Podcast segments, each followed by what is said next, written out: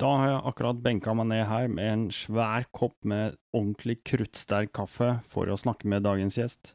Han var eh, knapt nok eh, tørr bak øra idet han eh, skvatt ut over landegrensene og har kjørt rundt omkring i verden. To år senere kom han hjem med bagasjen full av inntrykk og opplevelser og en idé om at han hadde kjempelyst til å kjøre et rally. Det har han nå gjennomført til gangs, og jeg gleder meg skikkelig til å høre mer om dette. Du lytter til Rally Nord podkast. Mitt navn er Dennis Travolta.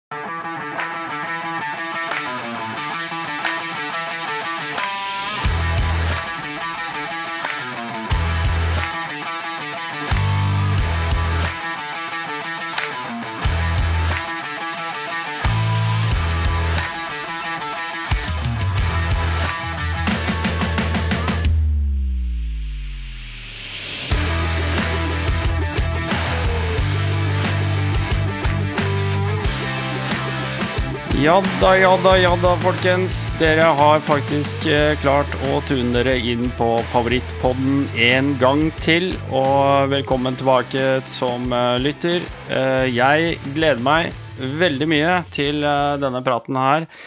Endelig har jeg klart å manne meg opp og fått tak i den.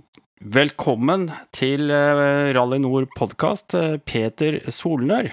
Ja, takk for det. Så gøy å være med her.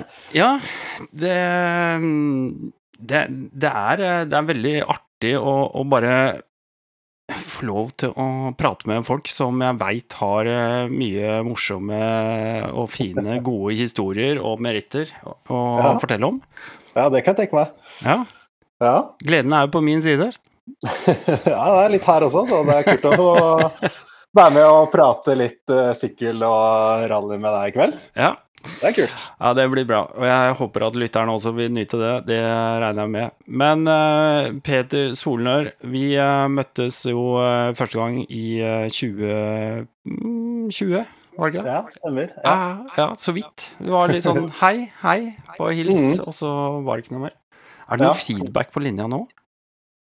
Hører jeg feedback? Hmm. Ja, nei, det tror jeg ikke. Men, eh, men eh, det var i hvert fall på Rally Grenseland i 2020. ja, det var det. Jeg og en eh, kamerat som heter Frode, vi hadde kjøpt oss eh, kule motorsykler og fant ut at vi skulle kjøre litt rundt på tet i en ukes tid. Vi kjørte opp til snøgrensa, og så fikk vi beskjed om at eh, nei, nede på Montebello camping, der er det, der er det full fest. Og vi Mhm. var jo vi var tomme for øl. Så vi tenkte at vi drar eh, ned til Montebello camping, og visste jo ingenting om hva som foregikk der nede i det hele tatt den gangen. Ja. uh, så, ja, så vi blei jo helt, helt bergtatt når vi kom ned der. Um, nå Ja, ikke, ikke en vanlig helg på Montebello camping. Nei, det var ikke en vanlig helg. Og vi hadde bare et par dager i forveien, så hadde vi støtt på eh, Håkon og Chris eh, oppe på Råtneblikk. Eh, Mm. og, og dermed så Det var jo sånn vi på en måte havna der nede igjen, da. Og der var du sammen med dem. Ja, stemmer det. Ja. Jeg møtte jo bare de eh, for første gang også, dagen før, var det vel? ja. Eh, to hyggelige karer som var på eh, lang motorsykkelreise innenfor eh, de norske grensene, da, fordi det var jo covid-stengt. Ja, Men eh, det var jo kult at de kjørte på likevel, selv om de hadde planer om å dra til Marokko, var det ikke det? Altså, Jo, ja, stemmer det. ble det heller noen måneder i, i Norge. Jeg, Så det var kult. jeg syns det er innmari tøft gjort, altså. Det er Mhm. liksom eh, Bare reise rundt og bare, bare være i Norge. Ja. Ja, ikke bare, sånn, du veit at du kommer ikke ut. Det er bare å være her og slappe av. Ja. Nyte. Ja, og ikke liksom bare ah, synes at det er dritt og Mm. avlyse eller utsette eller eh, fordi at det ikke blir akkurat sånn som jeg hadde tenkt og sånn. Så ja, det var kult av det. Ja. Ja. Men uh, tilbake til deg, eh, Peter. Uh, jeg vet jo det at um, du er jo ikke fryktelig gammel, du heller. Altså sånn i Eh, den nei. store sammenhengen i forhold til eh, oss andre med litt sånn gråstenk i håret, så eh, Men kan ikke du bare fortelle litt grann, om deg, så vi blir litt bedre kjent med deg først, da? Ja. ja, det kan jeg gjøre. Jeg kommer fra Asker. Mm. Um, 27 år gammel. Jobber med film og TV som frilanser, så jeg er litt sånn litt rundt uh, overalt på forskjellige produksjoner og har det, har det gøy. Får være litt uh, kreativ og jobbe med kule folk og sånn. Mm. Og så ja, bor i Oslo nå. Flytta hit for et par år siden. Trives her. Um, og uh, ja, prøver bare å gjøre Finne på sånne kule ting i hverdagen og i helger og ferier og sånt, da. Mm. Livet litt. Ja. Ja, Kjørt sykkel og ja, Kjøre litt sykkel og sånn, ja. For det er jo det vi egentlig skal snakke om, selvfølgelig. Ikke sant? Du, Ja. ehm, altså, vi Jeg regner med at du har mye, mye historier. Jeg skal prøve å dra ut av deg så mye som mulig, men, eh, men på et eller annet tidspunkt så begynner du å kjøre motorsykkel. Når er det? Eh, jeg begynte eh, Jeg tok lappen da jeg var 20. Så Ja. for syv, ja, snart åtte år siden, da. Eh, og så um, Men jeg kjøpte meg ikke noe sykkel eh, med en gang, men jeg fikk låne min kompis sin CB 400. En gammel eh, CB fra da var det fra 80-tallet eller noe sånt nå. Mm. eh, da han var på i Forsvaret. Så jeg fikk, jeg fikk kjørt den litt til og fra jobb og på litt sånn Egentlig bare litt sånn pendling og forskjellig i Mm. noen måneder. Um, og um, ja, det var liksom et par år etter at jeg tok eh, lappen, så det var jo noen seige år der mens jeg var ventet på å få kjørt litt. og så uh, og så fikk jeg jo ikke min første sykkel før uh, vi dro på tur, da. Eh, altså da jeg og min kamerat Christian, som eide denne CB-en, Mm. da, da, var vi, da skulle vi på langtur. Da var det på tide å skaffe seg egen sykkel. Men uh, du pendla til og fra jobb. Drev du da med Ja. film og TV den gangen Ja. også? Så Ja. det har liksom har det, Er det skole som har ført deg dit, eller? Uh, ja, jeg eh, Det er jo på en måte det. Jeg gikk medier og, medier og produksjon på videregående. Mm. Og så fikk liksom interesse for foto og film og greier der. Mm. Um, og så begynte å jobbe med det rett ut av videregående, da. Mm. Um, og så har jeg bare holdt på med det siden, faktisk. Ja. Ja. Ja, men det er ja. gull. Gull. Ja. Jeg prata akkurat med Thomas Hansen her i forrige episode. ja. Har du sett de videoene han legger på YouTube? Nei, jeg har ikke det. Ja, fantastisk. OK. Ja, nydelig. Det er kjempebra. Er det motorsykkelvideoer? ja, ja, ja. ja, OK. Og det er next level. Det, Yes. er- det er next level. Dette må du sjekke ut, vet du. Ja, det, det skal jeg gjøre. Dere har ting til felles, det er helt sikkert. Ok. Det er interessant. Det skal sjekkes ut. Du, um, det er altså Det er eh, selvfølgelig, som introen sier, uh, så bestemmer jo dere to dere for at uh, dere må gjøre Dere må gjøre en greie. Ja. Hva er det som er opptakten til den ideen? Nei, vi ehm, Begge oss to har eh, alltid vært glad i å reise, og vi har reist en del hver for oss med hver vår familie og sånn, og vært på, på et par turer sammen også på liksom, opp gjennom ungdomsskolen og videregående og greier. Og så uh, visste vi at vi hadde lyst til å reise etter videregående, før studier og slike ting. Mm. Um, og så ja, tenkte at liksom, vanlig backpacking eh, er jo kult, det, men vi hadde lyst til å kanskje prøve på noe enda mer spennende enn det. Og Mm. så var jeg i Dominikanske republikk i 2013, en sommer. Um, sammen med uh, mine to brødre og uh, en kamerat. Uh, og der leide vi noen motorsykler. Um, jeg leide en sånn derre um, Hva er det den heter igjen, da? Yamaha Er den 200 kubikker eller noe? Den med Ja. sånn sykt bredt bakdekk. Ja, ja, og, Um, øh, jeg vet hva du mener. Ja. Um, Den er jo Ja. jeg- Ja, jeg husker ikke hva den heter. jeg. Nei. Men uh, det er i hvert fall en eh, slags offroad-sykkel. da, En Mm. mindre offroad-sykkel. Mm. Og det var jo det var før jeg fikk lappen og greier, og første første, første gang jeg kjørte motorsykkel. Jeg hadde kjørt moped uh, da jeg var 16. Ja. Uh, men uh, vi leide et par motorsykler og bare kjørte litt rundt kysten der, og det var sinnssykt kult, da. Og um, tenkte at dette her må være en perfekt måte å reise på. Mm. Um, og så kom jeg hjem og spurte Christian om han kunne, tenke, kunne tenke seg å være med på noe sånn slags tur på motorsykkel, og han var supergira. Så da begynte vi å, å, tenke seriøst på det. da, Det var jo mens vi gikk på videregående. Ja. Um, og så uh, ja, begynte vi å se nærmere på det, og uh, ja, vi begynte å bli veldig keen på å gjøre det. Uh, og da var det jo bare å begynne å fortelle folk og få det, få det ut i verden. Sånn at, måtte bare uh, hause det opp, sånn at dere måtte gjøre det, liksom. Dere, må, ja, vi dere må ikke gjennomføre det. Vi kunne ikke si at vi skulle gjøre det noe og så Ja. ikke gjennomføre. ikke sant? Nei, nei. Eh, vi måtte jo tvinge oss eh, selv eh, til det, da. Eh, så det, det syns vi folk var veldig kult. Og planen da ble jo da å kjøre fra, fra Alaska til Argentina. Nordligste punktet i Alaska til sørligste punktet i Argentina. var Være borte i et år. Mm. Um, og uh, ja, vi eh, begynte å planlegge litt, og med en gang vi ble ferdig på skolen, så begynte vi å spare penger. Uh, jobbe, spare penger. Christian han gikk inn i Forsvaret, og så begynte jeg uh, å jobbe med film og TV. Mm. Og jobbet da så lenge vi trengte til uh, vi hadde nok, spart opp nok penger, da. Og det tok to år. Eh, og så ja, var det på tide å stikke. Jeg tenker sånn hva, eh, Var det noen spesiell grunn til at dere valgte den, eh, den sørovergående leden, holdt jeg på å si, fra Alaska og, og nedover?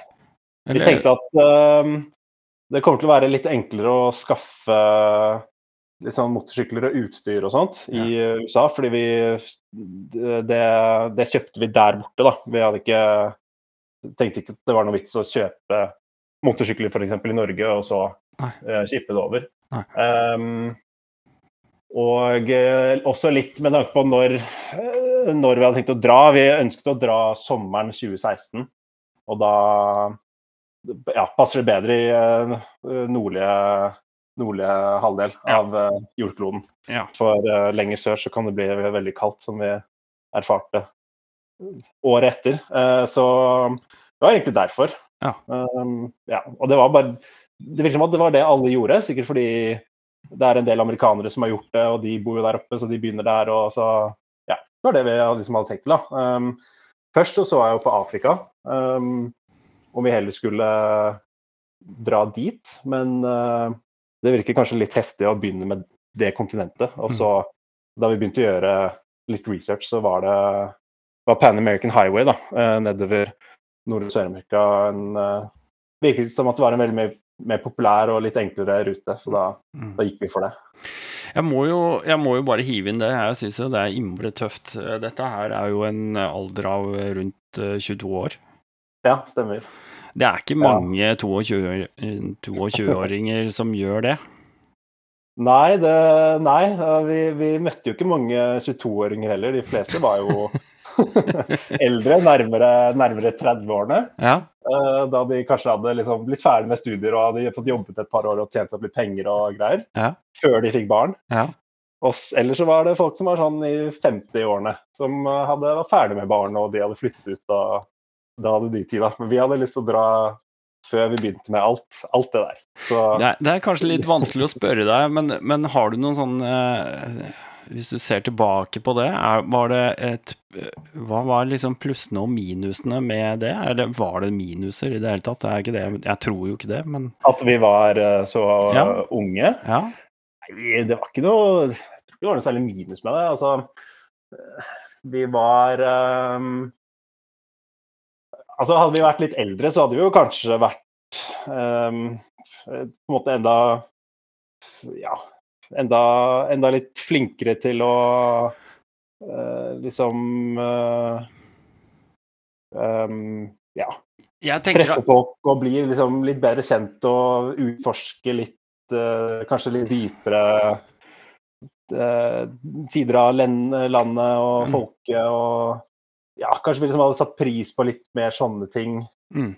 Hvis vi hadde blitt litt eldre, jeg vet ikke helt, det. Men vi hadde det jo, vi hadde det jo helt konge. Jeg tror heller at noen flere år med motorsykkelerfaring hadde, hadde hjulpet mer. Ja, jeg tenker, da tar man, tar man mer risiko.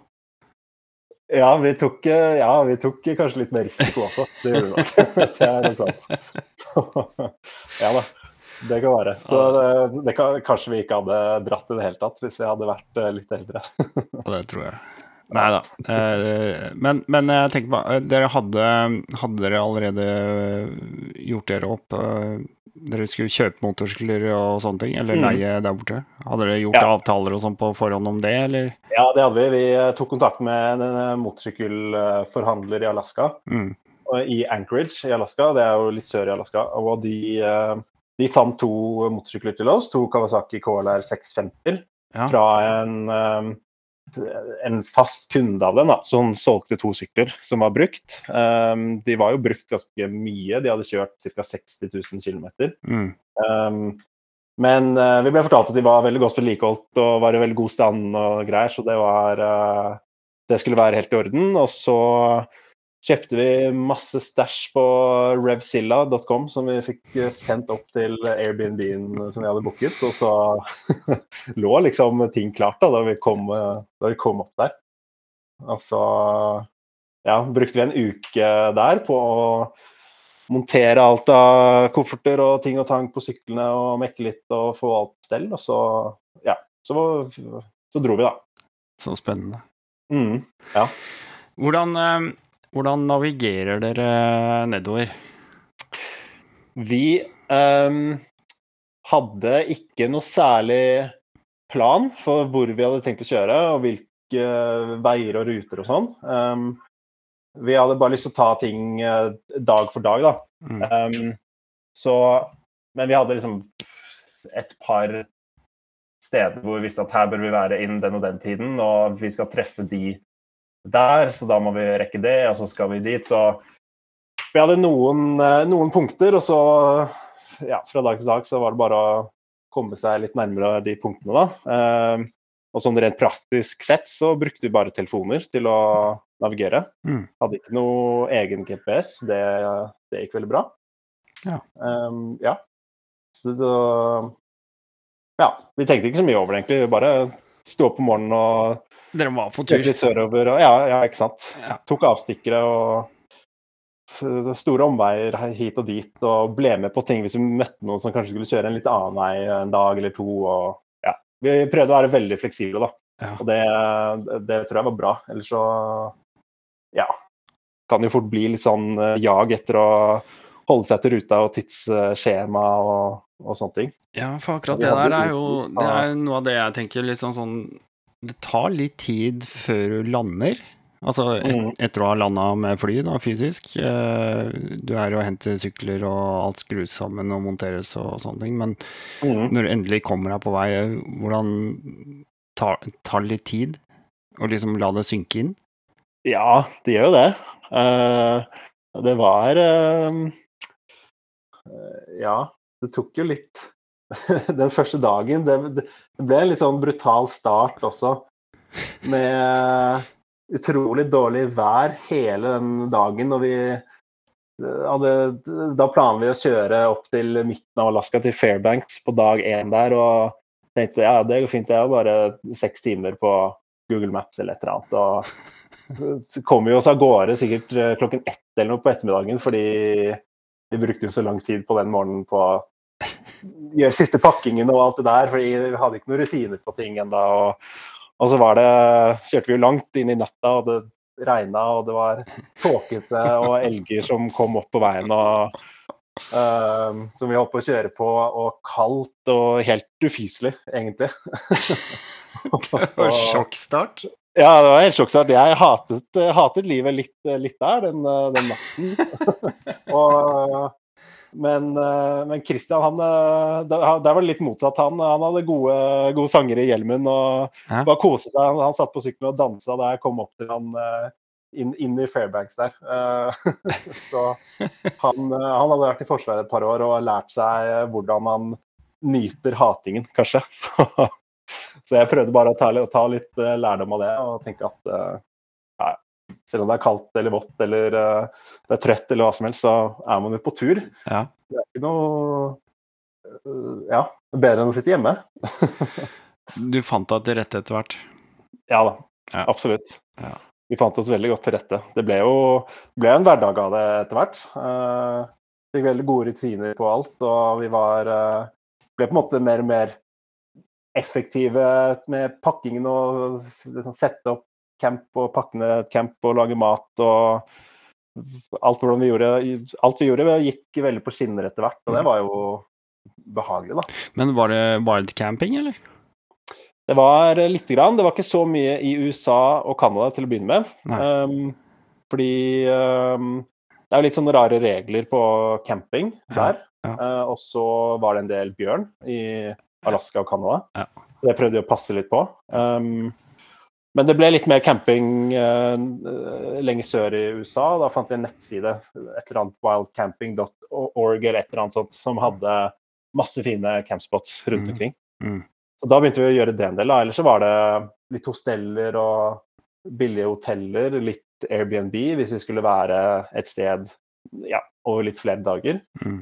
Uh, men um, sånn etter hvert, da vi kom oss ned til Sentral-Amerika og sånn, så ble det ofte telting, wild uh, camping på de dagene hvor vi bare skulle kjøre eh, litt sånn dag etter dag.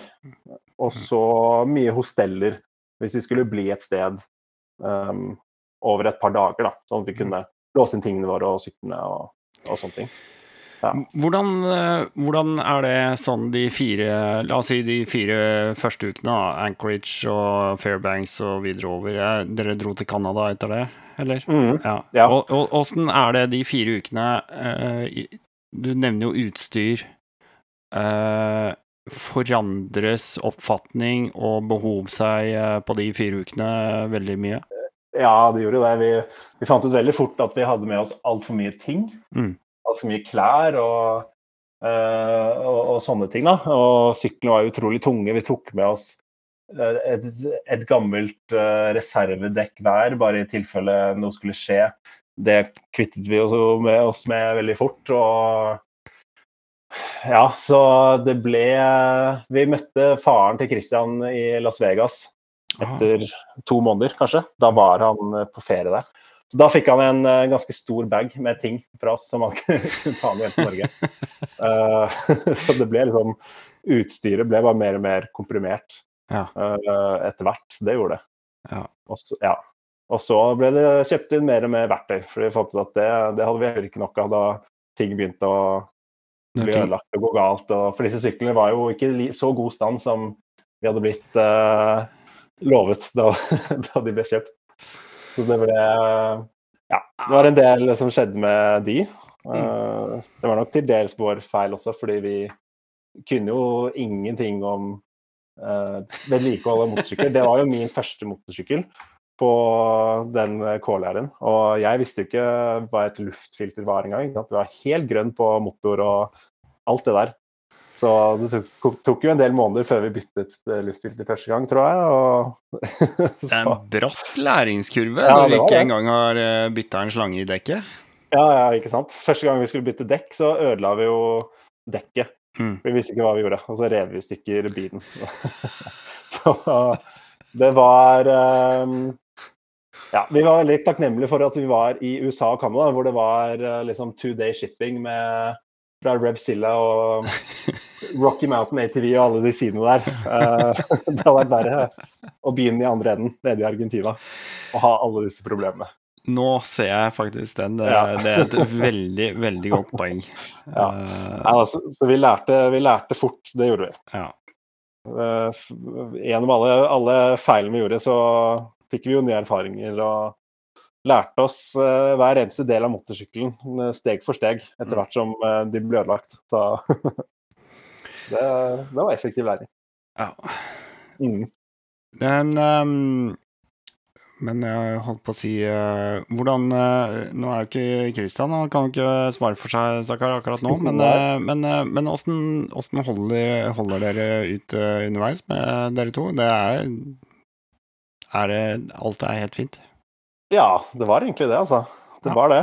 Vi, um, vi hadde jo kjent hverandre i eh, ti år, tror jeg, før, ja. før vi dro ut på tur. Og vi var ganske sikre på at det kommer til å gå bra. Man vet jo selvfølgelig aldri helt da, eh, når man skal leve oppå hverandre 24-7. Men eh, det gikk veldig bra. Og vi hadde jo hvert vårt telt, f.eks., så vi hadde liksom hvert vårt Mm. Ja. hjem å krype inn i på natta, og så var det jo en del timer på syklene. Ja.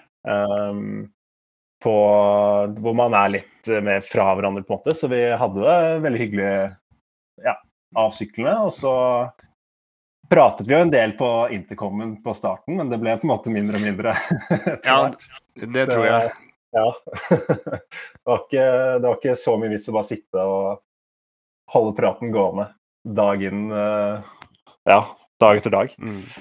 Men eh, nei da, det var veldig fint. Og vi var eh, Det var nok et bra team. Christian eh, han var litt mer Han var veldig flink på liksom navigering, finne, finne litt bedre veier og kule steder å kjøre og sånt. Og pushet også litt mer på å dra sørover, liksom holde oss til det tidsskjemaet som vi på en måte ikke hadde, men ja, han passet på at vi liksom Som lå forflyttet oss raskt nok, da. Ja. Hadde det vært opp til meg, så hadde det gått uh, veldig mye saktere, og da hadde vi jo ikke ja, rukket å komme ned på det året. Selv om man skulle tro det er et hav av tid. Men uh, ja. Nei, så vi var Vi ble et godt team, altså. Vi gjorde det. mm. Ja. For, Forskjellige kvaliteter Ja. som, Ja, det eh, det. som utfyller hverandre. Ja. Mm. ja. Hvordan går den turen videre gjennom Canada? Gjennom Canada så kjørte vi um, Altså, skal vi se om jeg husker hva disse stedene heter, da. Vi kjørte gjennom Yukon Territory, heter det vel. Som det tror jeg grenser til uh, Alaska. Og så kjørte mm. vi sørover um, mot Skal vi se Holdt dere på vest, vestsida, eller? Vi holdt oss på vestsiden, ja, Ja, men ikke helt langs eh, kysten. da, Så vi dro ikke ned til Vancouver, f.eks. Vi var eh, litt lenger inn i landet. Ja. Um, og kom ned mot, uh, mot Calgary. Um, kjørte Det var jo mye kjøring gjennom skog og sånn i Canada. Det var jo, ja, utrolig svært. Og vi kjørte jo gjennom mye skog og eh, en del asfalt eh, oppi der, da. Da hadde vi jo ikke noe sånn Vi hadde jo aldri kjørt grus før og sånt. Vi fikk jo en liten smakebit i Alaska, men eh, vi, var, eh, vi hadde liksom ikke blitt helt betatt av gruskjøringen enda, da. Så vi kjørte på hva enn eh, veien var, da. Ja. Og kom inn eh, gjennom eh, kule små landsbyer og tettsteder eh, som var eh, Ja, så ut som gamle byer fra westernfilmer Mm. med eh, ja, saloons og uh, ja, mye, my, mye snålesteder. Møtt mye kule folk. Og Hvordan, hvordan er de folka? ja, hvordan var de? Er det, er det sånn fullstendig kulturkrasj? Nei, Eller er, nei, er, er altså, jeg regner med det er, er det hyggelige folk? Ja, ja. Veldig hyggelige folk. Ja. Det er det. Ehm, det er eh, Ja, både i USA og Canada så var det jo utrolig hyggelige folk. Eh, folk er veldig interessert i du, hvem du er og hva du gjør, og eh, Ja, allerede der i Canada, da de sa at vi hadde Alaska-skilter, så var det sånn Wow, dere har reist langt, og lurte på hvor vi skulle videre. Fikk de jo enda mer hakeslepp da vi sa vi skulle helt ned til Argentina. Og det var eh, vi fikk, vi fikk bo hos folk, og de tok oss med ut og kjø, kjørte oss ut i skogen i pickupene sine og viste oss eh, nærområdet sitt og Ja. Det var, det var veldig, veldig kule folk, altså. Ja. Det var det. Ja. Og eh, det ble eh, Ja, det ble jo bare bedre og bedre lenger sør eh, også, gjennom Sentral-Amerika og Ja, veldig, veldig mye bra folk. Mm. Så ja, så vi kom ned eh, sørlige Canada, da inn til liksom Calgary, som er eh, ja, litt, litt vest for midten, eh, kan man vel si. Rett over Ja. Montana. ja, det ligger Også, i Alberta. Ja, stemmer. Alberta. Eh, så da hadde vi eh, noen, noen veldig fine dager i band for Jasper National Park. Ehm, som var veldig ja, utrolig flotte fjell og, og natur som vi fikk kjøre gjennom. Og så kom vi ned til Montana, hvor eh, det fortsatte med utrolig flott natur. Uh, både høye fjell, snølagte fjell og litt mer sånn um, uh, steppelandskap, på en Mm. måte. Med åser og enger og slikt. Og så Ja. Men, men Calgary, stoppa dere og var der uh, lite grann, eller? Vi var der et par dager. Er ikke, det dager, en, ja. eh, er ikke det en ganske spesiell by? Mm, ikke som jeg husker det. Det er spesielt. Eh, Nå, er, nå, nå skal jeg være veldig varsom, men jeg lurer på om ikke Calgary For der er det litt sånn Det er eh, dritvarmt om sommeren og kjempekaldt om eh, vinteren. Det stemmer sikkert, ja. Og så har de bygd ut et tunnelsystem under bakken. Som det er like mye liv som over bakken. Hmm, nå ringer det kanskje noen bjeller, er, men er det Mm, vet du Ja. hva? Nei. Er det Calgary, eller er det Vancouver? Eller er det Vet du, Ja, okay. nå, nå, nei. Nå er jeg ute og kjører. Sorry, folkens. Det er bare å google, men det fins Ja. i hvert fall en av disse byene, og nå, nå ble jeg så usikker på meg sjøl at det ja. Nei, jeg, husker ikke noe uh, om det, altså. Dårlig- Men det, det kan hende. Det kan hende. Dårlig av meg. Det var bare en, rett og slett en avsporing, som det heter. Ja. Sånn Ja, det, får folk, uh, det får folk google. Ja, det Det er kult om det, om det stemte. Ja. Nei, vi var der uh, litt sånn for å bytte dekk og få noen uh, dager i uh, ja, ordentlige senger uh, i en Airbnb og sånn. Mm. Um, og så dro vi videre da til USA, hvor vi kjørte gjennom Montana og Wyoming, og så ned til Colorado, var det vel? Ja. Um, og så dro vi um, østover til Oklahoma, hvor Christian hadde noen familievenner i, som bodde, bor i Tulsa, så vi var der en uh, liten tur. Og satte fra sykkelen en ukes tid og bare hadde det veldig hyggelig med de. Mm. Um, og så dro vi vestover igjen, eh, og da gjennom Texas og til eh, New Mexico, Arizona, Utah.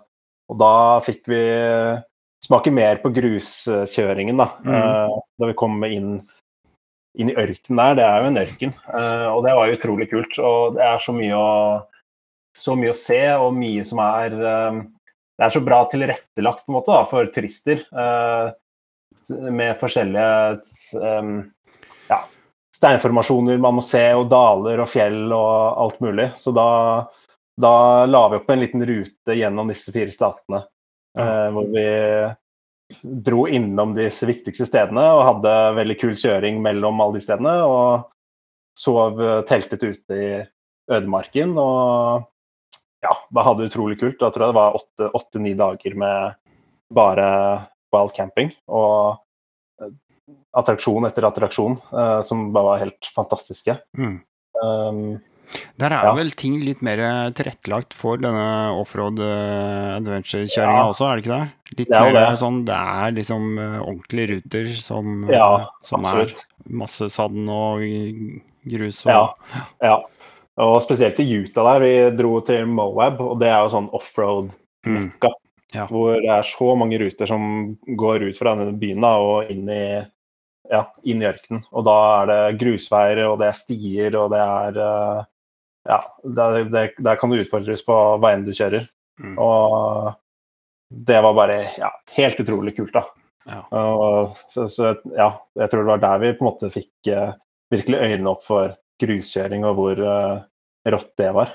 Mm. Ja. Ah, fy fader. Jeg kjenner jeg er så misunnelig. men eh, ja, det er, eh, det, er så, det er så artig å høre sånne historier, og ja. Det er, eh, det er heldig, veldig bra. Men uh, dere, dere kjører videre nedover uh, Mexico. Mm. Det Hvor, gjør lang- vi. hvor lang tid har dere brukt da? vi brukte tre måneder fra Alaska og ned til uh, grensa til Mexico. Det er Det er så, et så langt visum du får, turistvisum. Ja, så dere måtte liksom være ute ute før den Ja, tid? vi måtte det. Mm. Så vi var, vi var lute et par dager før, eh, før visumet ble ferdig, tror jeg. Og da krysset vi fra San Diego over til Tijuana. Og da var vi jo da i Baja, California. Ja. Denne halvøya som stikker ned fra Ja. eh, ja, fra California, da, men som er, eh, som er Mexico. Og det er Mm. også en sånn offroad-mekka. Mm. Um, hvor det er um, trolig mange grusveier og sandveier og stier som går sørover. Og de har jo disse racene, Baha 1000 f.eks., som er et race på 1000 miles, altså 1600 km, som går fra Tijuana helt, helt nord ved grensa til USA og helt ned til, til uh, Cabo San Lucas da, i sør. Mm. eh, Som de kjører på ja, under 24 timer, tror jeg. Det er helt sjukt. Er, jeg blir så imponert. En ting er jo sykler, men det, der må jeg si at jeg er imponert over de bilene òg. Altså. Ja, De der Mm. Boya-bilene. Å Se Ja. de flyte oppå de sanddynene det i 200 km i timen. Det er, Ja. det er, De er vel Ja.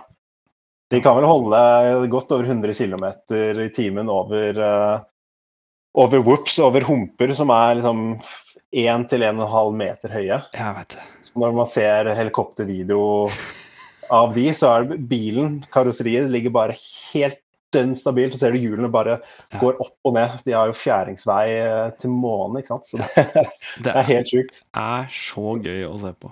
Ja.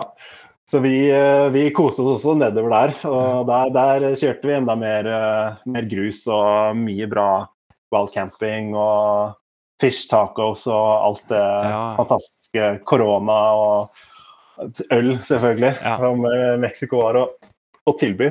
Mm. Og det var helt rått, så vi kjørte litt, eh, litt på tvers eh, nedover, da. eh, Denne halvøya. Mm. Og så kom vi ned til, til Bonn, til Cabo San Lucas, hvor vi hadde uh, nytt uh, familievenner-visit. Okay. Uh, da var det vertsforeldrene til broren min. Broren min var på utveksling i Seattle for lenge, lenge siden. Ah. Eller i ja, 2006-2007, tror jeg.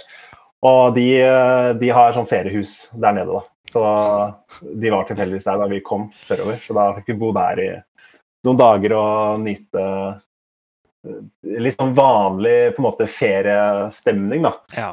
Um, som er på en måte noe helt annet enn når man er på sykkelen og kjører nesten hver dag og sover i telt og Bare tusler rundt en, i shorts og slippers Ja, og dra ut på fiskebåt og Ja. ja, være på stranda og ikke sant. Så det var veldig deilig. Hvordan er den nye eh, visumgreia når dere kommer over til Mexico? Har dere noe tidspunkt eller tidsperspektiv da, eller?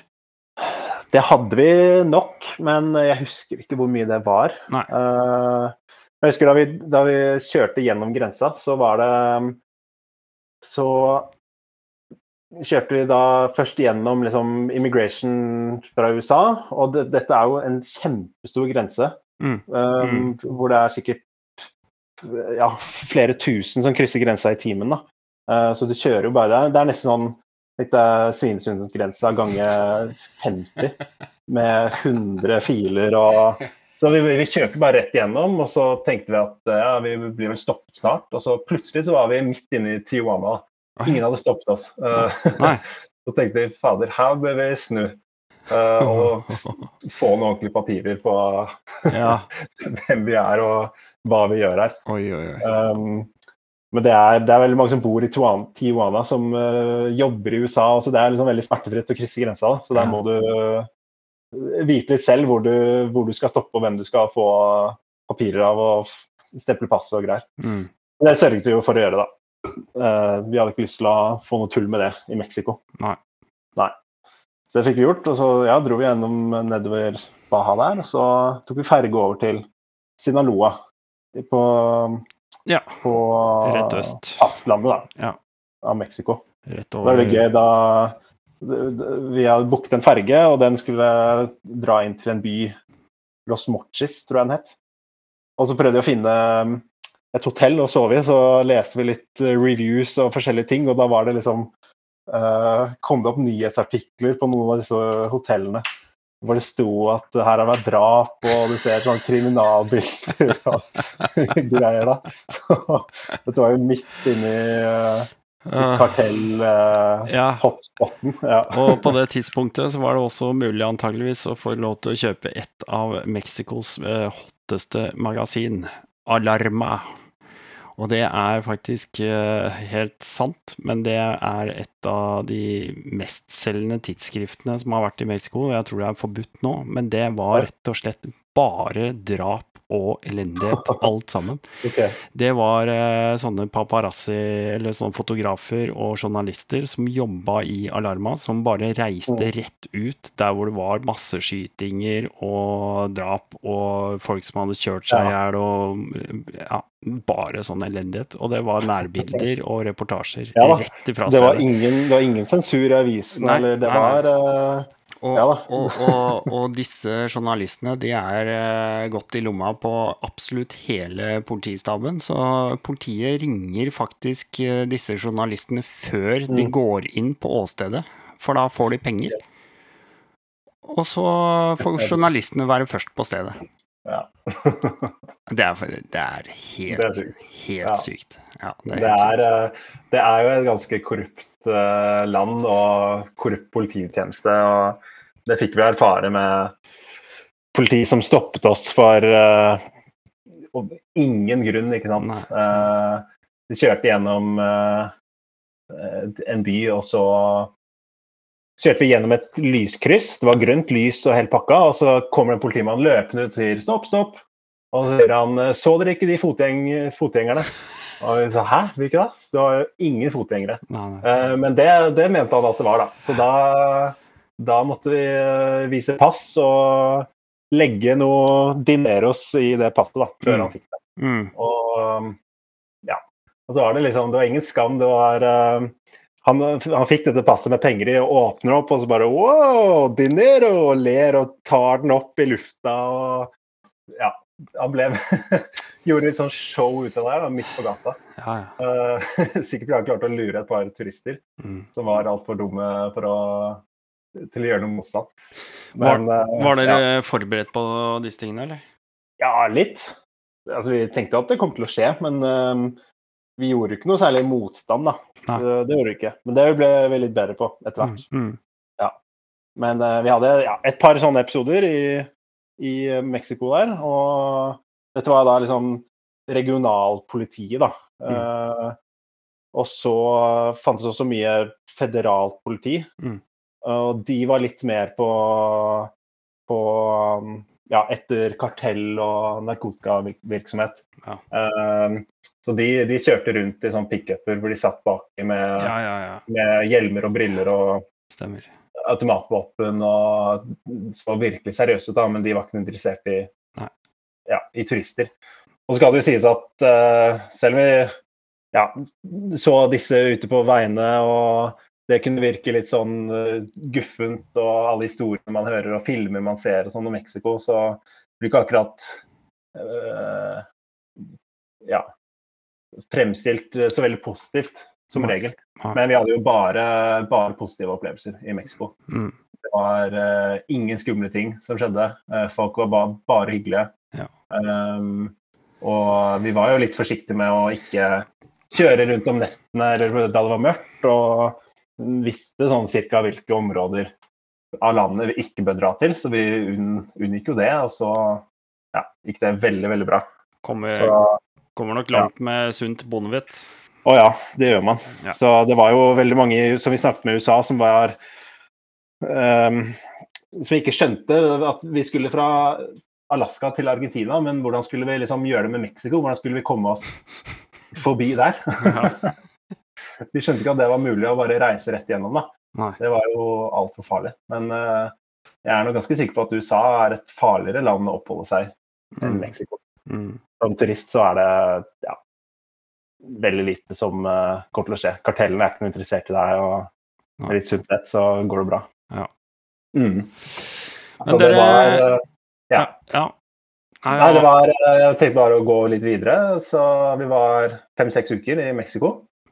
Spiste taco så å si hver dag. Ja. kjempedigg. Og det er ikke det samme som fredag, fredagstacoen eh, vi har her. Nei, Nei, det var jo veldig annerledes. Uh, Bitte små lefser og mye mindre ting som man tar i tacoen, men det er sånn mer færre, men bedre selekterte ting da, på en måte som passer bra sammen. Så masse forskjellige typer kjøtt av storfe og kylling og, mm. og svin og fisk. Og masse forskjellige salsaer og sånt. Og så kanskje litt løk eller noen agurkskiver eller noe sånt. da. Mm. Det var liksom ikke så mye mer. Nei. Men uh, så spiser man kanskje seks, syv, åtte forskjellige tacoer, og så blir man, blir man mett. og ja, Det var jo veldig digg. Det solgte de jo overalt på små stands på gata og restauranter og sånne ting. Ja. Så det var en uh, god kulin kulinarisk opplevelse i Mexico. Det var det. Ja, det så vi brukte da fem-seks uker på Mexico, og så kom vi til Belize Eh, som eh, er rett sør for Mexico. Og da var det, det var en veldig stor forandring. Eh, sånn Med en gang vi krysset grensene, så kom vi på en måte fra Latin-Amerika, som Mexico er og føles som, og rett inn i Karibien, da, som Belize føltes ut som. Mm. Um, helt andre typer folk, ikke så mange latinamerikanere. Der var det flere mørkhudede uh, folk uh, som har kommet fra slavetiden ja. og bodd der i ja, flere hundre år. Da. Så det er liksom det som er um, folket der. Og eh, mer um, hva heter det, kreolsk språk og fargerike hus og ja. Så det, det, var veldig kult. Det var en sånn stor forandring sånn bare når man krysser en grense. Ja, for her er vel dette mer knytta samme type sånn Bahamas og Cuba og ja. Jamaica? Ja, det er på en måte det, da. Litt mer av de Ja. Mm. Ja.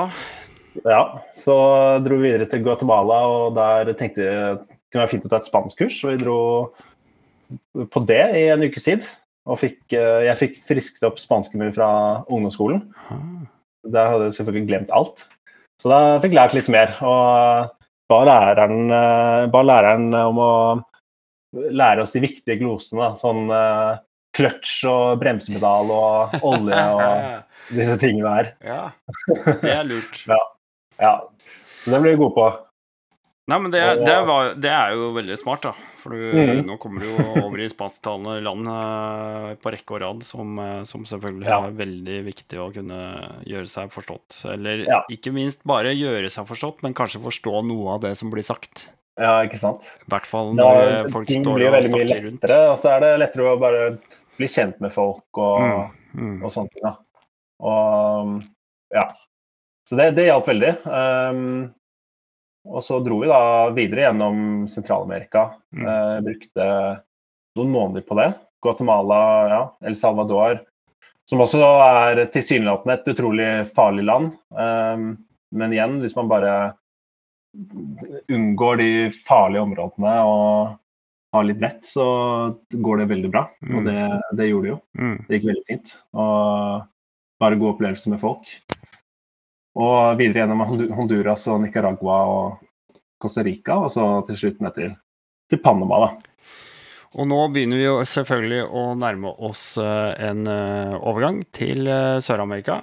Ja, og eh, før vi hopper eh, i det, så skal vi ta en eh, kjapp liten reklamepause. Et raskt avbrekk i denne ordinære podkastepisoden, bare for å fortelle deg at du kan gå ned i shownotes. Du kan klikke deg inn på patrons-linken der nede, og bli en patron av Rally Nord podkast, selvfølgelig. Da kan du bli en Rally 50 eller Rally 100 patron. Da får du eh, automatisk en link link til eh, Rally Nord eh, Patrons pod. Du får en link til eh, Discord som jeg sender deg. Du skal selvfølgelig få et Rally Nord podkast-klistremerke som du kan pynte opp din yndlingssykkel med. Og ikke minst så er du automatisk invitert til neste Rally Nord Patrons treff Og eh, om ikke annet så kan alle også gjøre meg en tjeneste til. Det er nemlig gå inn og gi meg ratings der hvor du lytter på din podkast. Gi meg slike stjerner. Og eh, har du litt ekstra tid å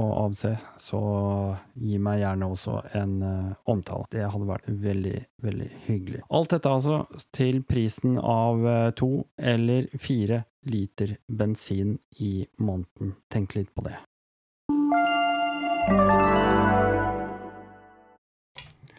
Sånn er det. Vi må rett og slett bare ha litt reklame innimellom. Ja, det er, klart. Eh, Panama, Ja. det er jo eh, Nå står det jo Dette her er jo et sånt område som, som alle som skal forbi, eller forbi Ja, altså enten om det er nordover eller sørover, de må finne en eller annen eh, Ja, et eller annet alternativt. Ja, stemmer. Man kommer jo da til et område som heter The Darien Gap, som er en regnskog, eh, et, ja, et regnskogfelt mellom Panama og Colombia. Og eh, det går ingen veier gjennom, eh, gjennom denne regnskogen. Så det er ingen, ingen, ingen veier som knytter Sentral-Amerika og Sør-Amerika, selv om det er sammenhengende fastland. Mm.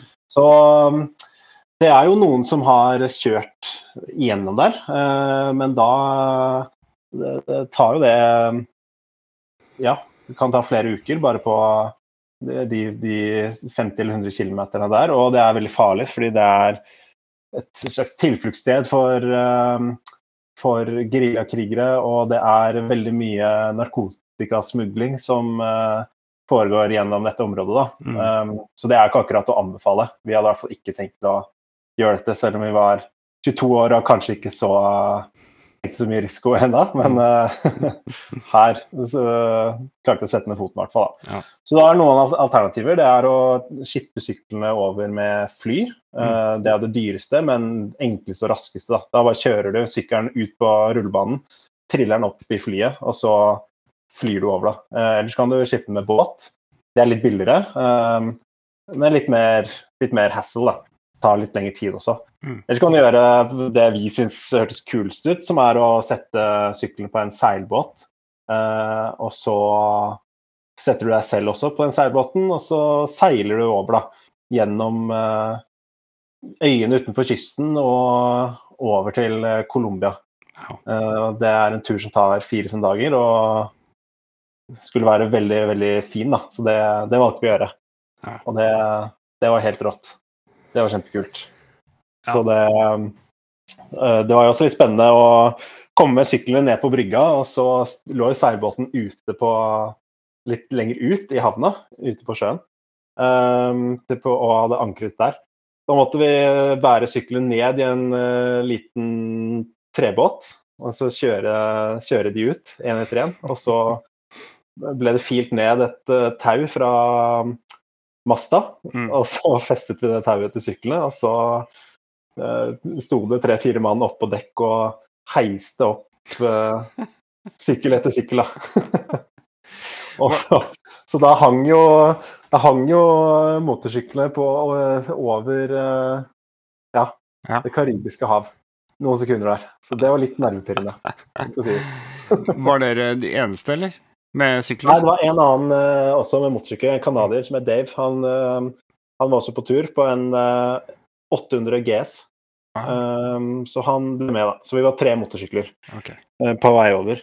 Um, og da seilte vi da først ut fra Panama, ja, eh, og gjennom sånn Blasøyene, som er en eh, øygruppe på kanskje 300-400 små øyer. Um, tett i tett sammen, uh, med masse palmer og utrolig flotte hvite strender, og bare korallrev mellom hver øy.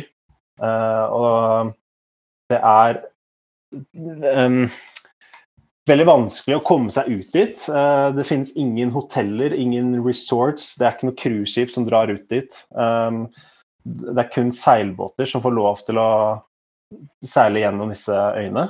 Um, og det er for å beskytte naturen og folket som bor der, da, som heter Kuna-folket. Mm. Eh, De har eh, De har bodd på disse øyene ja, i veldig, veldig mange Sikkert ja, tusenvis av år, eller eh, hundrevis av år. Og er veldig beskyttende, da. Um, Så man må, man må betale en skatt til de når man kommer dit. og du har ikke lov til å ta med deg noe. Du har ikke lov til å plukke opp kokosnøtter fra bakken hvis du er på en øy, fordi kokosnøttene det er deres valuta som de handler med um, med colombianerne. Så de bytter kokosnøtter mot uh, ting de trenger, da. Solcellepaneler eller utstyr til båtene sine, eller hva enn det skulle være. Um, så det var, det var en veldig kul opplevelse. Og der er det jo knapt skoler og sånn, så de lever bare uh, ja, på landet og uh, ja, fisker og lever eh, sånn sett veldig simple liv, men eh, ja, sånn som vi pleide å gjøre, gjøre før, da. Så det var veldig interessant å se. Fantastisk. Ja, det var flott. Så vi seilte da to dager gjennom disse øyene. Og snorklet med delfiner og spiste hummer og fisket og sånn. Og så kom vi ut i det mer åpne havet da, og seilte over til, mot Cartagena i Colombia. Da var det vel to, to dager, to netter på åpent hav. Eh, og det var ganske mye røffere. Det var røff sjø, og jeg ble utrolig båt- eller sjøsyk. Og måtte bare ligge, ligge rolig på dekk hele dagen og se på horisonten. Eh, fordi hvis med en gang jeg reiste meg, så måtte jeg bare få hodet over ripa og kaste opp. Så det ble to veldig rolige, rolige dager, men eh, det var også ja, veldig fint eh, å sitte og se utover sjøen og flyvefisk som hoppet ut foran baugen, og så var det fugler som fløy ved siden av oss, eh, som da tok denne flyvefisken. som på en måte vi jagde opp, da. Mm. så det var veldig kult. Og delfiner som svømte foran baugen i, i bølgene vi lagde. Og, ja. Så det var helt fantastisk. Og det var jo flere reisende med oss, backpackere. Så vi var en eh, veldig god gjeng, da. Og så var det en uh, liten familie på tre. Uh, en mann fra Sør-Afrika, hans kone fra Venezuela og deres 11-12 år gamle sønn, da, som eide denne båten og seilte frem og tilbake uh, med turister. Og han hadde hjemmeskole fra moren sin og Ja. Så det var, det var veldig, veldig kult. Definitivt mye kulere enn å bare skippe det over med fly. Ja. Og så var det en, en, en, igjen da en god ferie fra ferien, på en måte.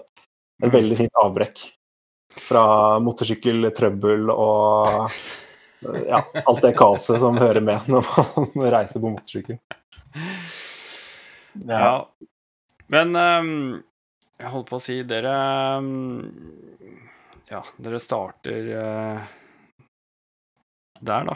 Eh, og, og hvilken, hvilken eh, vei tar dere nedover?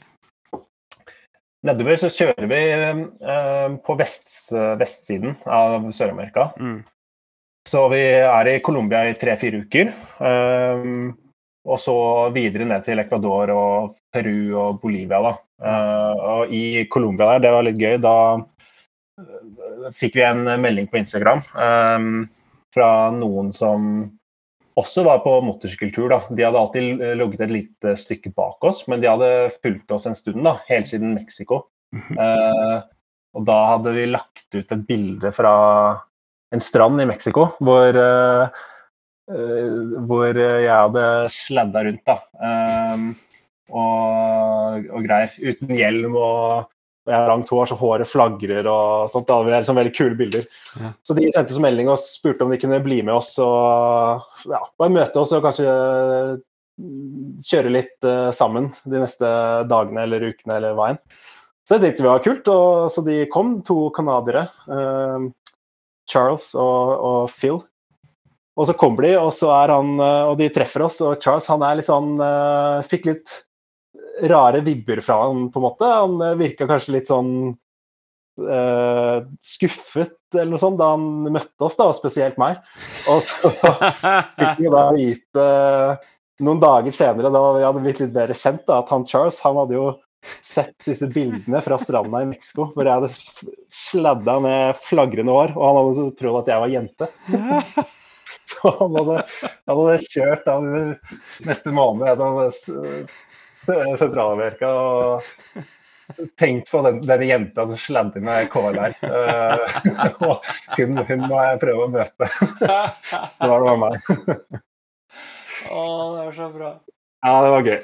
Det var veldig kult. Men uh, han, han kom over skuffelsen, og han, han eh, klarte å godta meg for den jeg er. Ja. vi, vi ble veldig gode venner, da. Og vi kjørte, vi kjørte sammen uh, faktisk helt til de avsluttet sin tur helt sør i Peru. Så vi var jo kanskje et par måneder uh, sammen og kjørte. Ja, Så det var veldig kult.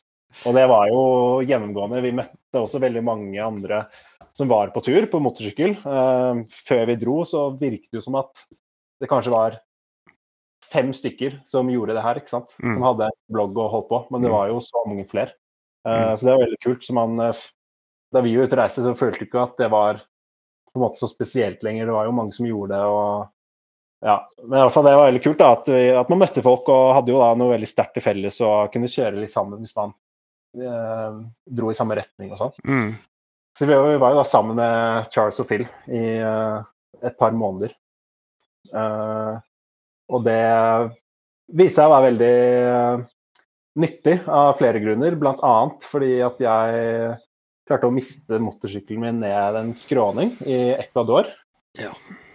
Og eh, da var vi Da hadde vi fått noen ruter, noen spor, da, GPX-spor tror jeg det var, fra et uh, sånn utleiefirma, turselskap, motorsykkelturselskap i Ecuador. Eh, men jeg hadde ikke klart å laste det inn på GPS-en ordentlig, så vi fikk bare liksom Vi måtte bare lage noen waypoints selv, se på ruta og så på telefonen, og så prøve å, å, å taste det inn på en annen GPS, da. Så det var ikke sånn alltid at det fulgte riktig spor, sånn, vi prøvde oss, og så kom vi til eh, Ja, så kjørte vi på helt fantastiske eh, veier i fjellene, og så ble veiene mer til sti, og så gikk denne stien plutselig liksom eh, bortover en skråning eh, på tvers av en veldig lang skråning, eller åsside, da. Fjell. Og vi var jo ja, tenkte at vi får bare prøve. Og vi spurte noen lokale som sto litt borti veien om det er mange som kjører her. De sier ja, det er av og til motorsykler som kjører her. Så vi prøvde oss. Og så kom vi vel bare 100-150 meter, og så eh, veltet sykkelen min. Jeg mistet, mistet bare balansen på den, og den var jo så tungt pakket og så topptung at med en gang den tipper liksom ti grader, så var det ikke sjanse til å stoppe. Og så bare tippet den utfor kanten og rullet ned eh, nedover og forsvant gjennom buskene. Og så hørte man bare rulle og rulle og rulle og rive med seg busker og kratt og alt som er, da. Helt til lyden ble svakere og svakere, og så kunne man ikke høre lenger.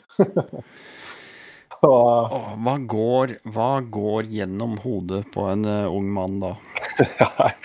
Nei, det var uh, jeg, har, jeg har jo video av det her, og da tar det ikke mange sekundene før jeg bare roper noen uh, banneord som jeg ikke trenger å si her nå.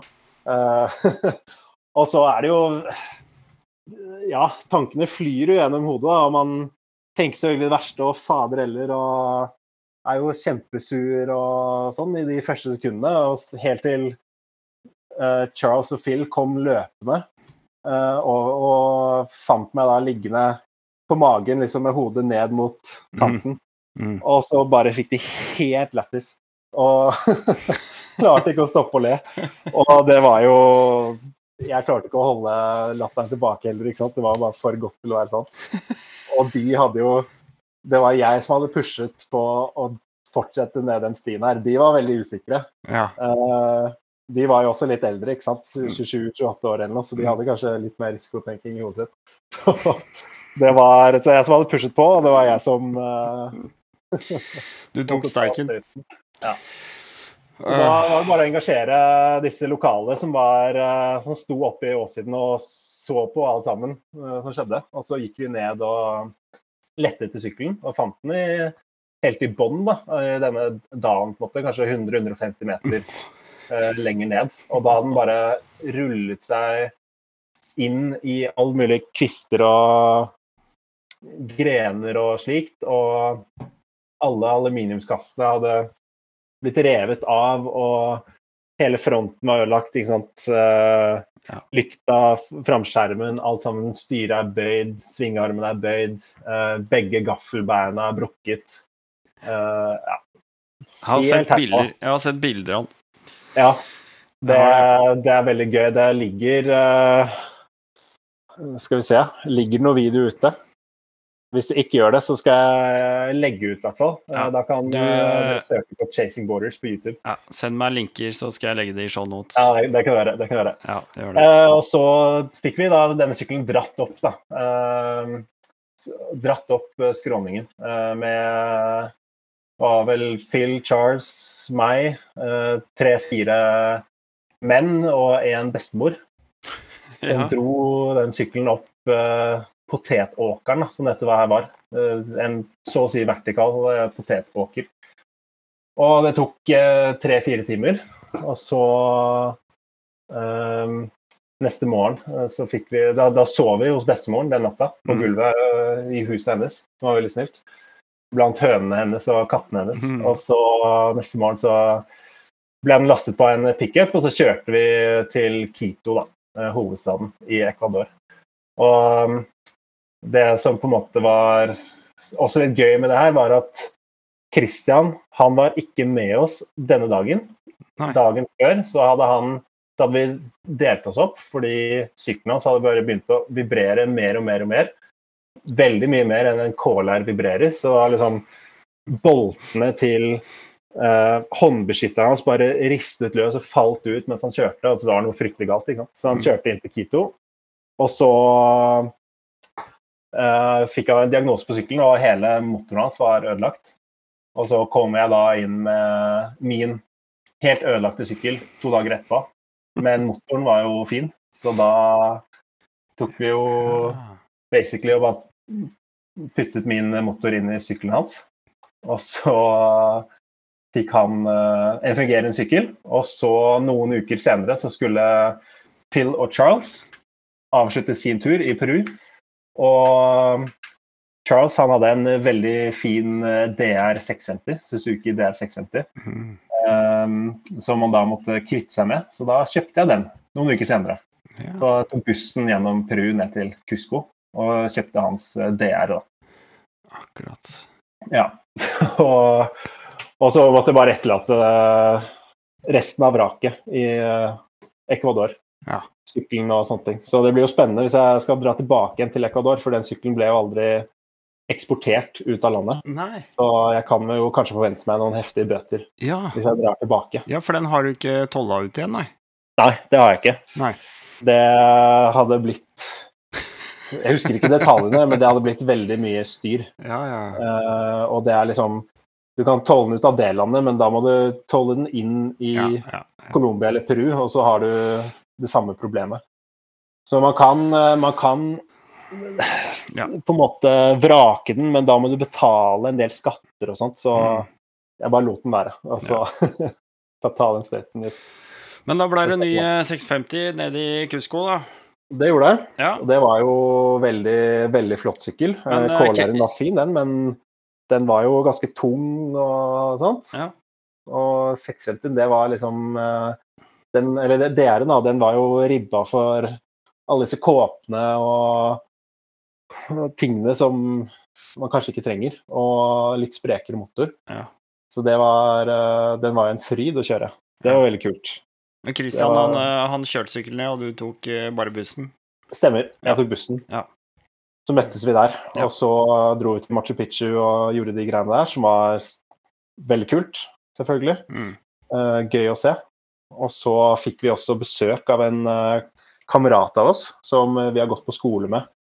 Kristian gikk på, helt fra barnehagen til ungdomsskolen, og jeg gikk på ungdomsskolen da, med han her, Mm. Joakim, som han heter. Ah. Han, eh, da vi fortalte han om turen vi planla å dra på, i, det var jo da tilbake i 2014-2015, så sa han åh, det var jævlig fett. Jeg, hvis dere gjør det, så skal jeg ta lappen og komme og møte dere et eller annet sted. Det gjorde han. Han tok lappen, og så dro han noen uker senere og møtte oss i Pru. Og kjøpte seg en DRZ 400. Ja. Og hadde satt av da fem uker, tror jeg, til å kjøre sammen med oss da, eh, sørover. Mm. Så det var rått. Så da var vi plutselig tre stykker på tur. Det var, det var kult. Og det var uh, gøy å få en til inn i gruppa. Og etter at Kristian og jeg hadde reist sammen i på dette tidspunktet kanskje ni måneder, ti måneder, Mm. Uh, få litt ferskt blod inn i gruppa var uh, trivelig. Ja. Og han er uh, Han Joakim har vært i speideren, veldig flink speider og så kjempegod på å tenne bål og alt dette her, ikke sant. Så det, det var veldig kult. Så vi Ja. Kjørte, sørover, men det gikk vel bare en uke cirka etter at eh, Joakim hadde blitt med oss, at eh, det skjedde en ganske stygg ulykke eh, da vi skulle ut fra Peru mot Bolivia. Og da kjørte vi bare på en asfaltert vei gjennom ørkenen. Helt rett, strak, fin asfaltvei. Veldig få biler. ikke sant? Man er helt De sitter bare og cruiser med en hånd på gassen og ser deg rundt og hører på musikk og Ja. Nyter bare en rolig, helt rolig kjøring. Mm. Og så um, lå jeg Jeg lå bakerst og så nok ned på speedometeret eller noe sånt nå, som målte ca. 90-95 km i timen. Og idet jeg tar hodet opp, så ser jeg bare en motorsykkel opp ned i lufta. Tusen ting som også bare flyr siden av motorsykkelen. Og eh, Christian som flyr gjennom lufta. Og en lastebil eh, som kommer imot. Som har passert da, og er imot eh, Joakim og meg i sitt kjørefelt. Og Christian og sykkelen og sånn eh, lander på asfalten og ruller bortover. Og så går vi på bremsene og kommer opp til han, og da ligger han eh, på skulderen av veien og er eh, ja, litt i panikk. Og han ligger der og bare sier 'å, faen', 'å, fy faen', 'å, faen'. Mm. Så han er jo i live, da. Men eh, jeg så jo ikke akkurat hva som skjedde, men jeg, det var jo lett å forstå at Kristian hadde, hadde truffet den lastebilen som kom imot. Den ene bilen eh, den timen, ikke sant. Og det som hadde skjedd, var at antageligvis så punkterte han på framhjulet og mistet helt kontroll over sykkelen. Så den eh, begynte å skeie inn mot mottatt kjørefelt Mm. akkurat idet lastebilen kom imot. Og da lå Christian rett mot midten av grillen på denne lastebilen. Og så klarte han å slenge seg tilbake igjen mot sitt kjørefelt og endre retning på sykkelen. Mm. Så han var på vei tilbake til feltet sitt, og så traff han hjørnet da, av støtfangeren på lastebilen. Ja. Og ble kastet videre eh, tilbake mot sin, eh, sitt kjørefelt. da. Eh, Men eh, denne, dette hjørnet av støtfangeren traff jo først framhjulet av motorsykkelen. Og var bare bortover hele siden og leggen og foten til Kristian. Eh, Så han fikk jo et veldig stygt eh, åpent sår på støvelen. Hele fronten av støvelen var bare revet av. Det var sånn CD Ja, Adventure, eh, er det det den heter? ja, ja. Det var god støvel, men hele, hele framparten var revet av. Og alle, alle Panier-boksene hans hadde bare eksplodert av trykket. Så all, all bagasjen lå bare strødd utover veien og, og ut på sanda og sånn. Og lastebilen bremset ned og stoppet 50-60 meter bak oss.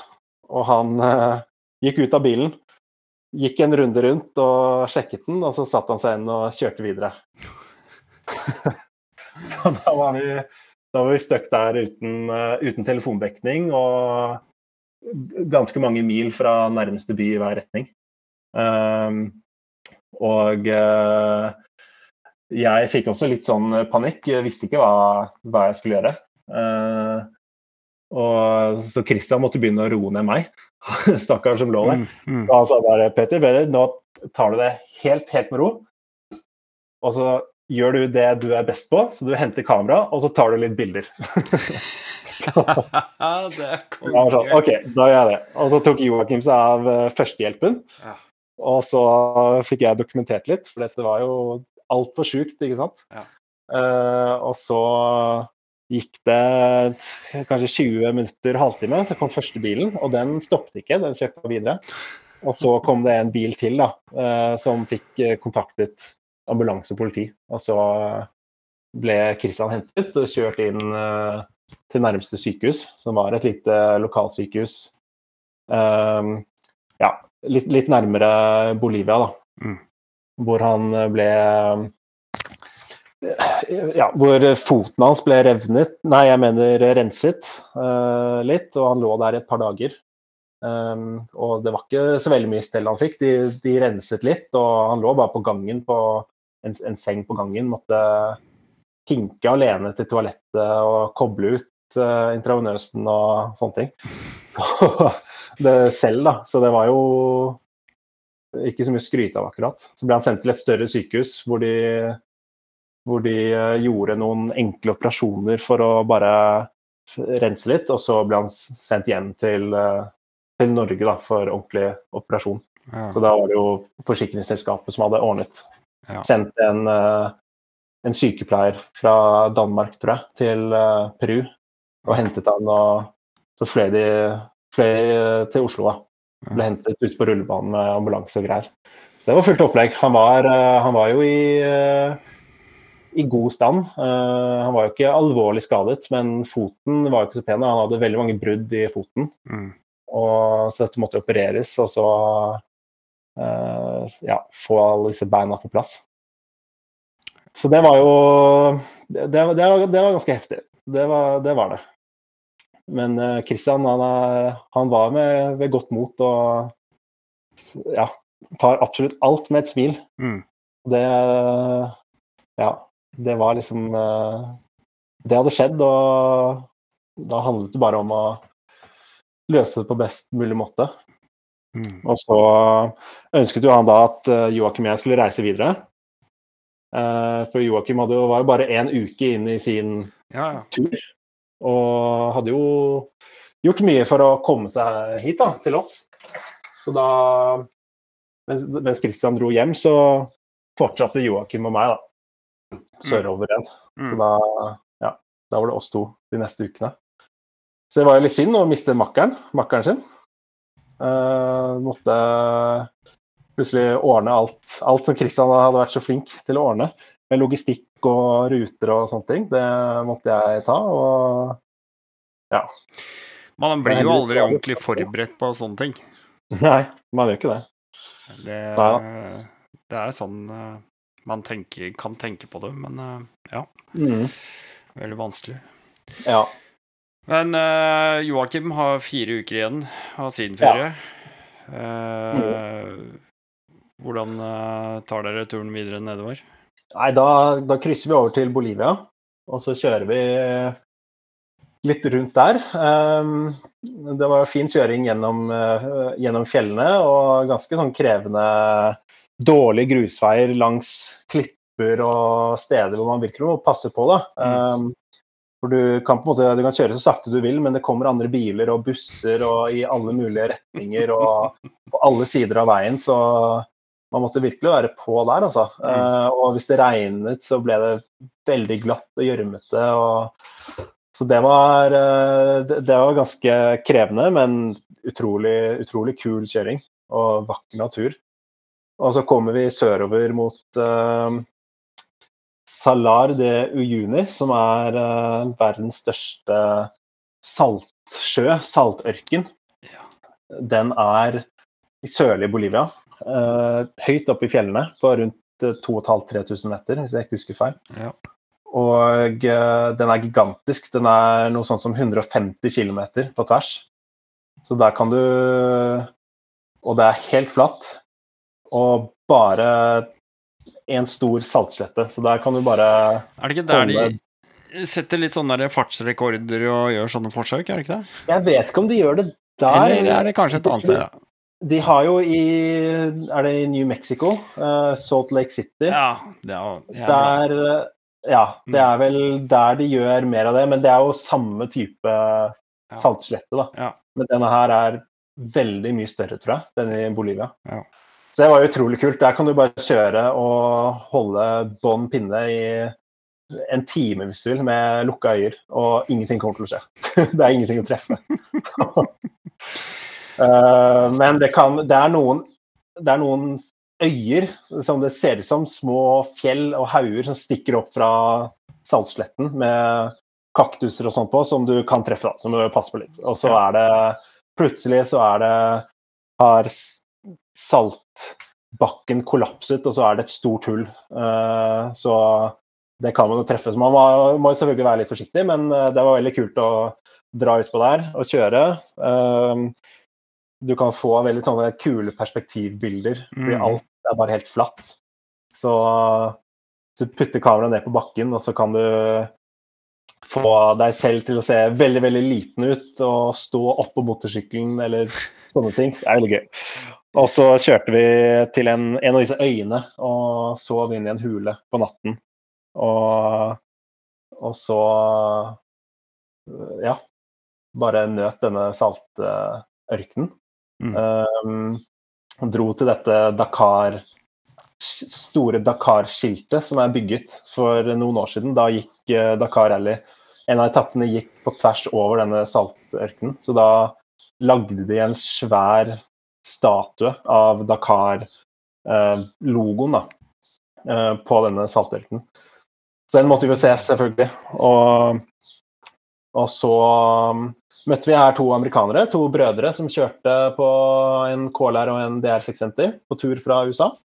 De skulle også sørover samme rute, så vi slo følge med de de neste dagene eller ukene, faktisk. Mm. Og la på tur over Altiplanoet, som det kalles, som er eh, en et fjellområde mellom eh, Bolivia og Chile. da. Sørlig Bolivia og inn i Chile, som er en slags høyslette på mellom 3000 og 5000 meter.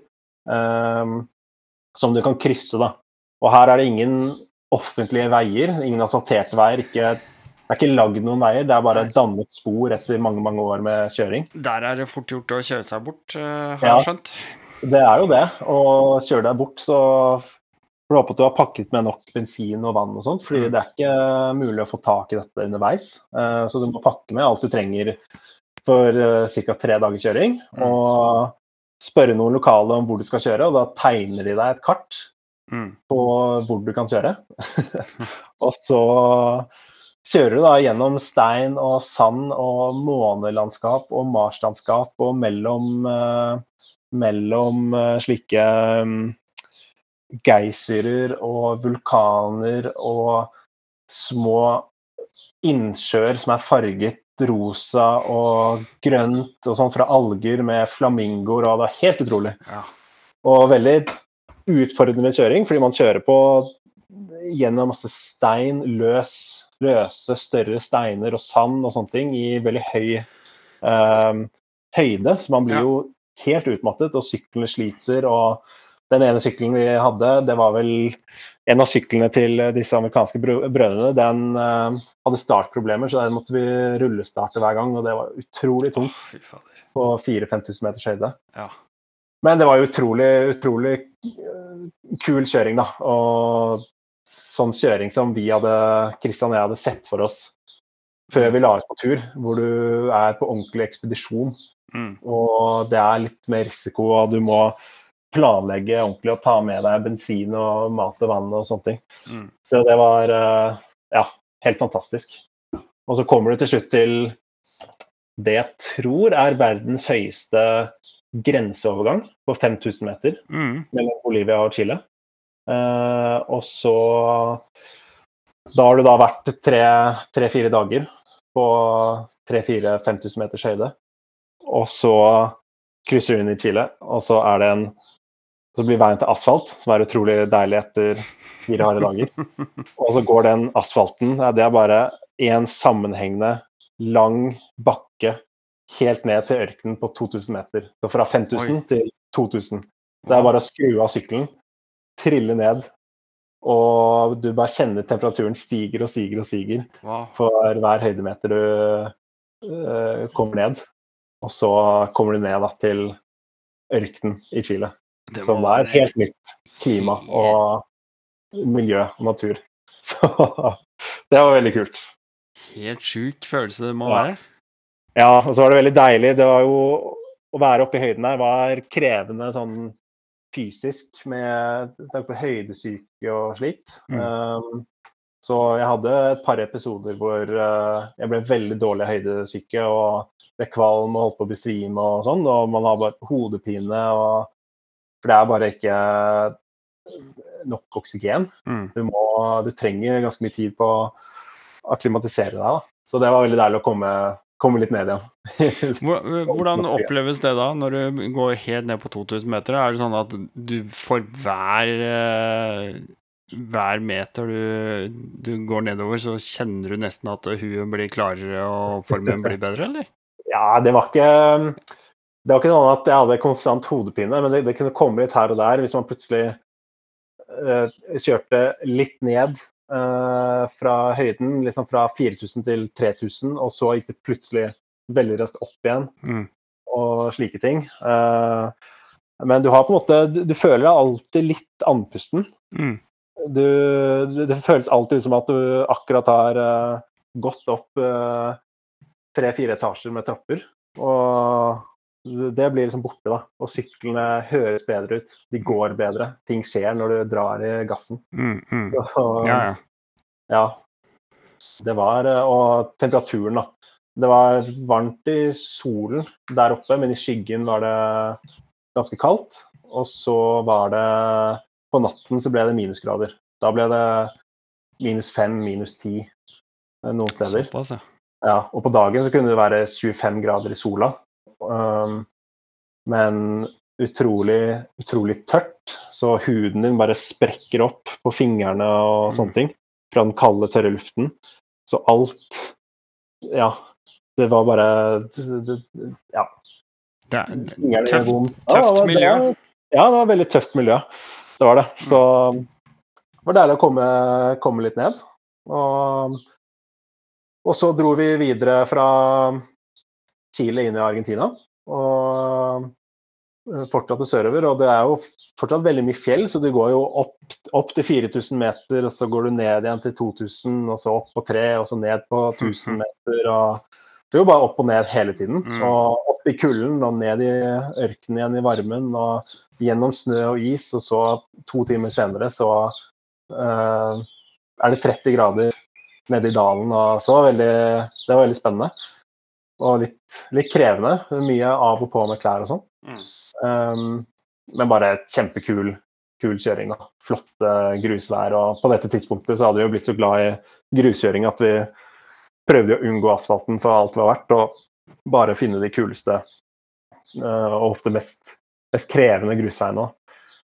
Og ja, vi dro videre sørover og hadde, hadde det veldig fint med Joakim og disse amerikanske brødrene. Og så var det mot, slutten av Joakim sitt opphold, det var liksom ca. en uke igjen, så, så røk hans toppakning i DR-setten. Ja. Uh, og da hadde vi fortsatt noen dager med kjøring igjen da, til Chile, til Santiago i Chile, hvor han skulle fly ut fra ca. en uke senere. Så det ble, det ble litt sånn krise med å prøve å reparere dette og finne deler og sånne ting. Og vi hadde Vi fant noen mekanikere som prøvde å fikse, eh, eh, men det fungerte ikke, så eh, toppakningen bare røk igjen med en gang. Mm.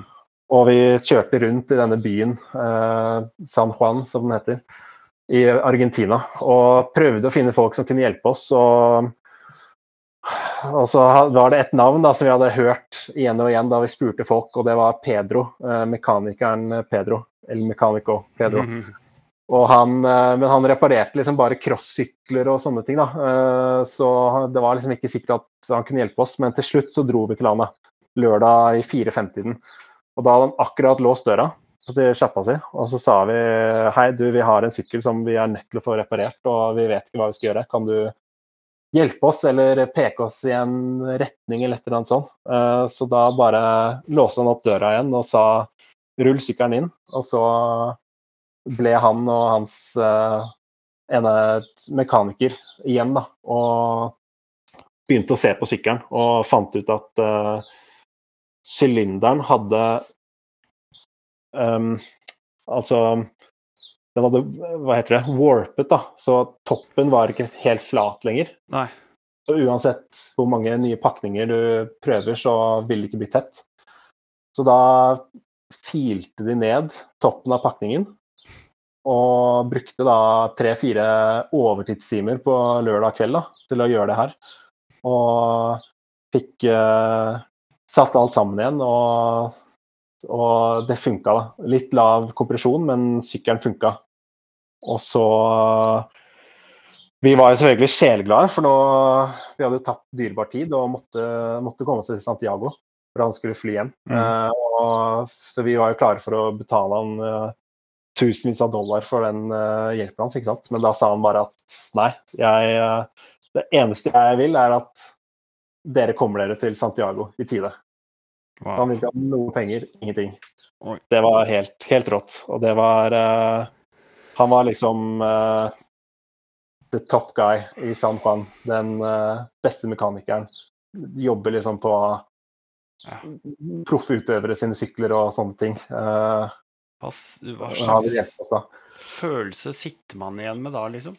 Altså den derre takknemlighetsfølelsen, den må jo være mm. sånn derre Jeg vet ikke Er det sånn jeg, jeg, er litt sånn Det er sånn du tar med deg videre, og så skal jeg gjøre ja. noe sånt for noen andre ja, en annen gang. Ja. For det, det, det inspirerer så innmari mye, da. Ja. Det er helt fantastisk. Det er det.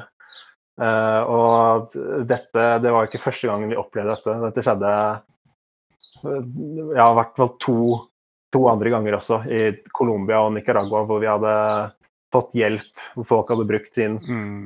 dyrebare tid, mange timer, den ene gangen flere dager på å hjelpe oss. Mm. Og materialer og verktøy og alt sånn. Og skulle ikke ha en krone, da. Så det var jo helt fantastisk. Og det var jo Det var, det var sånn folk var, da. Mm. Folk var bare gode og snille og ville, ville hjelpe oss. Med jeg tror det er en del av den livsstilen. altså For å overleve så må du hjelpe når du kan, og du er avhengig ja. av hjelp når du kan få det. Jeg tror det er litt sånn av livsstil eh, Eller ikke, altså ikke livsstil. Eh, det er livets gang, rett og slett. Mm. Det er bare sånn Du må leve sånn. Ja. Jeg tror ikke de vet noen Ja, noen av de kanskje ikke vet noen annen måte å gjøre det på, da. Ja, det, det, kan, det, det kan, være det. Um, vi hadde litt andre vi, vi, hadde litt andre opplevelser i Afrika da vi dro dit. Ja, vi etterpå. må jo Ja. Men ja, det er um, Ja, det er, det er, vel kulturen og Ja, mm. sånn de er. Men det er i hvert fall det var så fint å oppleve eh, når nesten det eneste man hører og leser fra mediene om disse landene, Colombia og Mexico og sånne ting, er at det er farlig og folk der er skurker og sånne ting. Mm. Og så er det bare stikk motsatt i virkeligheten. Ja. ja. Så det var veldig tøft. Men vi får bare kjøre videre. Joakim han kommer seg til Santiago i tide, han. Det gjør han. Det ja. gjør han. Og han får uh, satt sykkelen sin på en europall og sendt den hjem. Og ja. så flyr han, uh, flyr han hjem, da.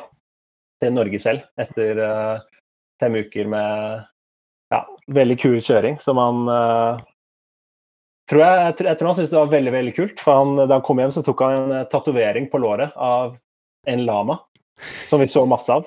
Med en lama som hadde blitt stemplet uh, med hva var det, 6000 et eller annet, et eller annet. Som var antall kilometer vi hadde kjørt sammen. da. Ah. så det har han motivert inn på låret sitt. En lama med en motorsykkelhjelm på. Og kilometer kilometeren som vi kjørte. ja, kult. det er veldig gøy. Ja. Minne for livet. Ja, ja absolutt. Ja. så da er det ja, da har vi jo fra Santiago og helt ned til Tierra del Fuego, som er det sørligste punktet av Sør-Amerika, som eh, planen var å dra til. Det var jo da et, kanskje 2000 km eller noe sånt, et, et godt stykke igjen. Mm. Og jeg var der da alene igjen i slutten av juni, hvor det begynte å bli utrolig kaldt. Mm. Og snø og is lenger sør, så jeg tenkte at det, det er jeg ikke så keen på å prøve på. Jeg har uh, hatt, følte jeg hadde hatt det kult nok det siste året til å slippe å hate meg gjennom eh, de siste kilometerne. Og Christian var jo heller ikke til stede, så det føltes også litt feil å på en måte avslutte vår tur alene. Mm. Så da holdt jeg meg heller eh, litt lenger nord og kjørte en god runde litt nord igjen i Chile og så litt steder som vi ikke hadde sett da vi kom eh, sørover noen uker før. Og så, og så kom jeg ned igjen til Santiago da, et par uker senere og solgte den DR-en og fløy hjem til Norge etter da ett år. Mm. Eh, Et år etter at vi hadde begynt i, i Alaska, da. Og med det, dere, så setter vi punktum for eh, denne første delen av eh, praten jeg hadde med Peter Solnør. Eh, fantastisk menneske, og med masse, masse gode historier, selvfølgelig. Dette er eh, del én du har hørt. Hvis du kunne tenkt deg å hørt hele greia, eh, tre timer og 25 minutter, så har den allerede vært ute hos Patreon i ja, snart tre uker. Og eh, det er klart det at eh, sånn sett så skal det jo lønne seg å være Patreon. Eh, det har jeg alltid ment, og med det så setter vi punktum for denne episoden. Eh, håper du kommer tilbake for mer, og eh, jeg eh, vil jo selvfølgelig også håpe at du kommer tilbake til del to. Tusen hjertelig takk.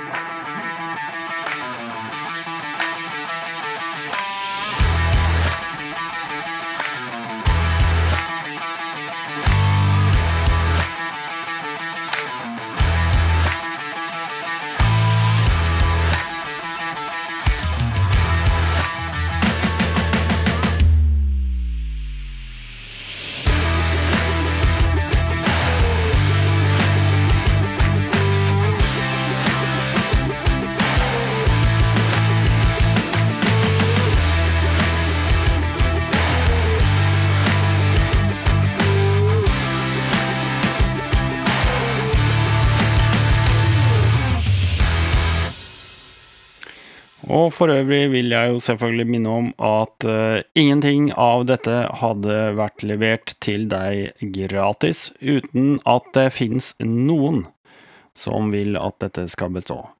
Tusen hjertelig takk til mine patrons Frode, Rune, Thor, Ruben, Morten, Annar, Frank, Steinar, Thomas, André, Bjørn Inge, Espen, Rune André, Olav, Roger, Per Egil, Kenneth, Eirik, Laren, Kim, Lars, Christian, Eirik, Ole og Wilhelm, dere. Dere kan få lov til å stanse dem hvor som helst ute på veien der ute, og takke dem, ta dem godt i hånda, se dem dypt inn i øynene. Tusen, tusen takk for at du er en patrion og bidrar til at eh, Rally Nord podkast lever videre i høyeste velgående.